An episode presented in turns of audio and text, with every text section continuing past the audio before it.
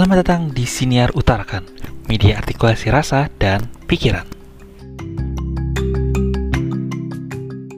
Selamat datang kembali di Siniar Utarakan. Pada episode kali ini, gue akan bahas tentang um, kendaraan listrik ya. Jadi, menurut gue saat ini percuma beli kendaraan listrik. Kenapa?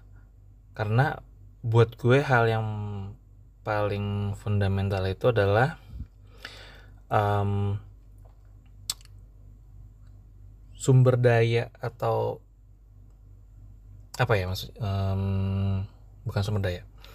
Jadi listrik kita tuh masih pakai listrik yang dihasilkan dari PLTU atau pembangkit listrik tenaga uap yang masih menggunakan batu bara gitu masih menggunakan bahan bakar yang tidak bisa diperbarukan.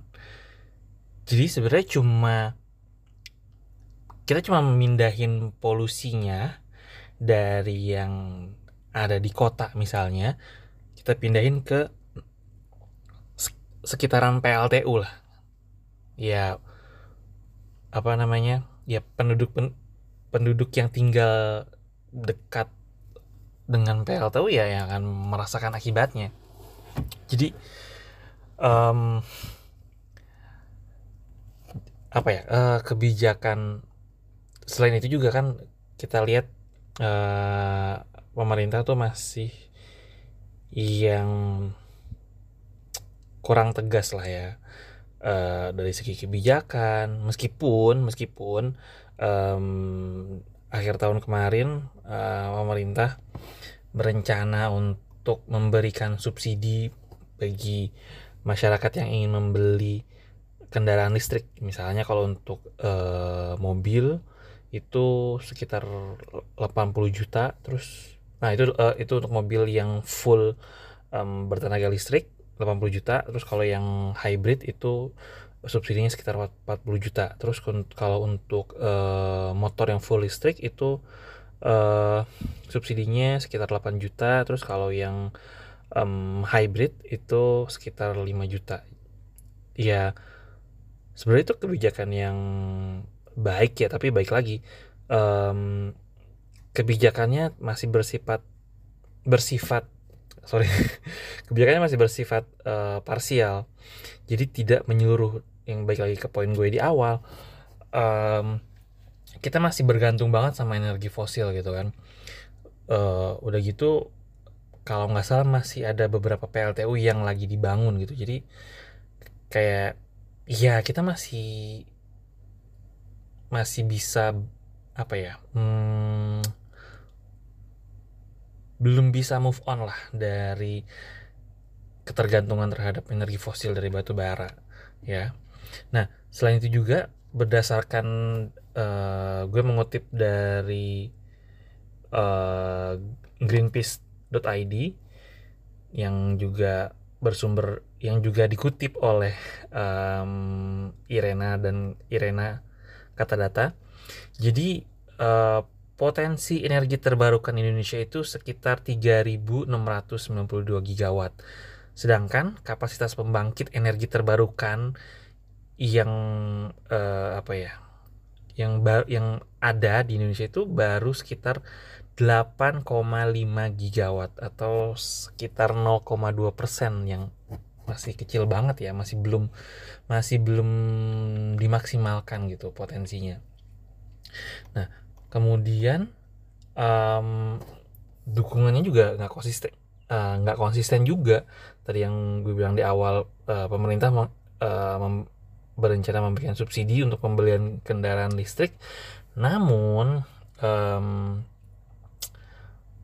apa namanya uh, perusahaan BUMN yang mengurusi listrik itu uh, malah membatasi panel surya atap yang on grid gitu. Jadi cuma boleh 15% kapasitas dari daya yang tersambung. Jadi harusnya dari ya perusahaan BUMN yang ngurusin listrik ini kan di bawah pemerintah ya harusnya kan mendukung kebijakan pemerintah.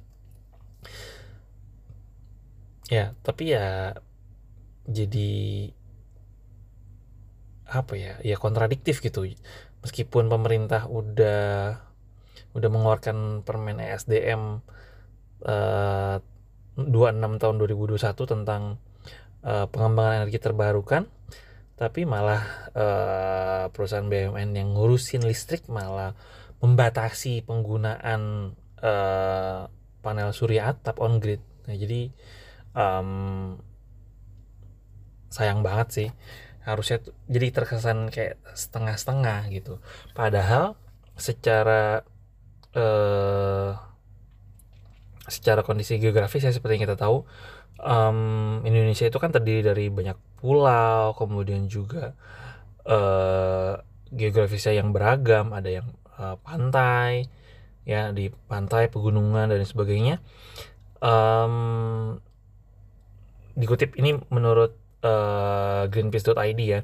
Jadi uh, harusnya itu listrik itu jadi uh, terdesentralisasi lah harusnya. Jadi tidak terpusat pada pada uh, apa namanya uh, sumber-sumber tertentu misalnya dari PLTU yang ada uh, di beberapa tempat ya jadi misalnya uh, di Pulau Sumatera itu bisa uh, menggunakan kalau yang di di dekat uh, daerah pantai misalnya bisa menggunakan uh, ya bisa dibangun pembangkit listrik tenaga angin misalnya seperti di Belanda menggunakan kincir angin. Terus juga misalnya dengan uh, pembangkit listrik tenaga air uh, menggunakan uh, apa namanya menggunakan aliran sungai dan lain sebagainya. Jadi harusnya um, bisa dimaksimalkan sih uh, apa namanya kondisi geografis Indonesia ini un untuk bisa memaksimalkan potensi uh, apa namanya untuk menghasilkan energi listrik yang bersih yang terbarukan. Jadi kayak gitu sih. Nah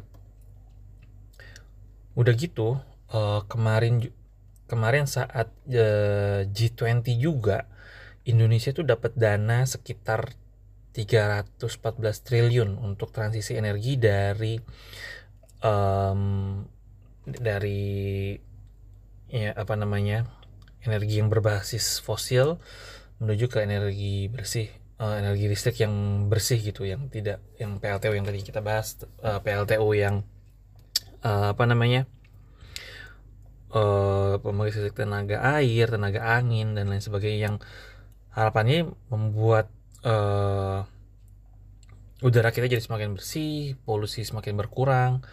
Nah, jadi pendanaan yang 3 314 triliun itu uh, berasal dari skema Just Energy Transition Partnership atau JETP ya dari negara-negara maju G7 uh, serta skema energy transition mechanism nah uh, itu tadi uh, gue kutip dari uh, kata data ya nah kemudian uh, itu bentuknya ada yang hibah, ada yang pinjaman, ada yang investasi dan juga ada instrumen pembagian risiko. Nah, jadi harusnya harusnya tuh uh, dana ini benar-benar dimaksimalkan untuk transisi energi dari um, energi fosil ya dari PLTU ke pembangkit listrik yang lebih ramah lingkungan. Nah, jadi prioritas dana itu uh, tadi ya uh, untuk membangun uh, pembangkit listrik yang lebih ramah lingkungan dan harapannya uh, PLTU batubara tuh segera, segera pensiun lah harapannya. Jadi benar-benar tidak bekerja. Namun sayangnya, sayangnya lagi ya, Indonesia tuh uh, pemerintah masih tetap melanjutkan pembangunan PLTU batu bara yang kapasitas totalnya itu sekitar 13,5 watt. Nah, ini data yang gue dapat dari greenpeace.id lagi ya. Nah, jadi um, apa ya um, pemerintah mendorong solusi palsu ya yang yang mahal yang gak efektif untuk menekan, menekan emisi seperti penggunaan biomasa atau co-firing dan teknologi carbon capture di PLTU jadi ya balik lagi ya. Um, kalau udah urusan bisnis kan yang penting cuan dan menguntungkan pihak-pihak tertentu yang um, justru malah merugikan lebih banyak orang ya. Jadi sayang banget sih. Jadi uh, itu sih ka apa ya menurut gue sebelum kita beli atau menggunakan kendaraan listrik ya harapannya ya uh, pemerintah membang membangun infrastruktur yang mendukung keberlangsungan kendaraan listrik dan juga dan harapannya itu kan mengurangi emisi uh, mengurangi emisi karbon, polusi udara. Nah, jadi um, ya semoga uh, ke depan ke depannya akan lebih baik lagi dan juga um, podcast ini juga harapannya uh, menjadi salah satu sarana untuk apa ya mungkin uh, ada yang mendengarkan yang mungkin uh, pembuat kebijakan di pemerintah dan bisa mendengarkan ini dan bisa menyampaikan di forum uh, pemerintah atau rapat-rapat yang mungkin bisa pada akhirnya membuat kebijakan yang memang pro keberlangsungan uh, energi terbarukan sih. Karena ya seperti yang kita tahu energi uh, yang bersumber dari batu bara tuh ya ya terbatas dan akan ada akhirnya. Ya masa harus masa kita harus merasakan sampai kekurangan harus kekurangan bukan kekurangan maksudnya uh, harus hilang dulu nih sumber daya batu baranya dulu baru kita beralih.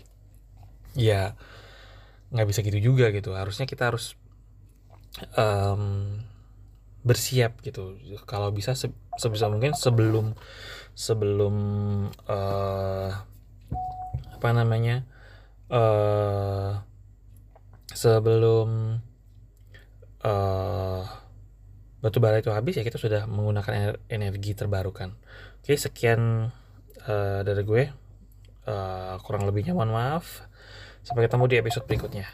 Bye.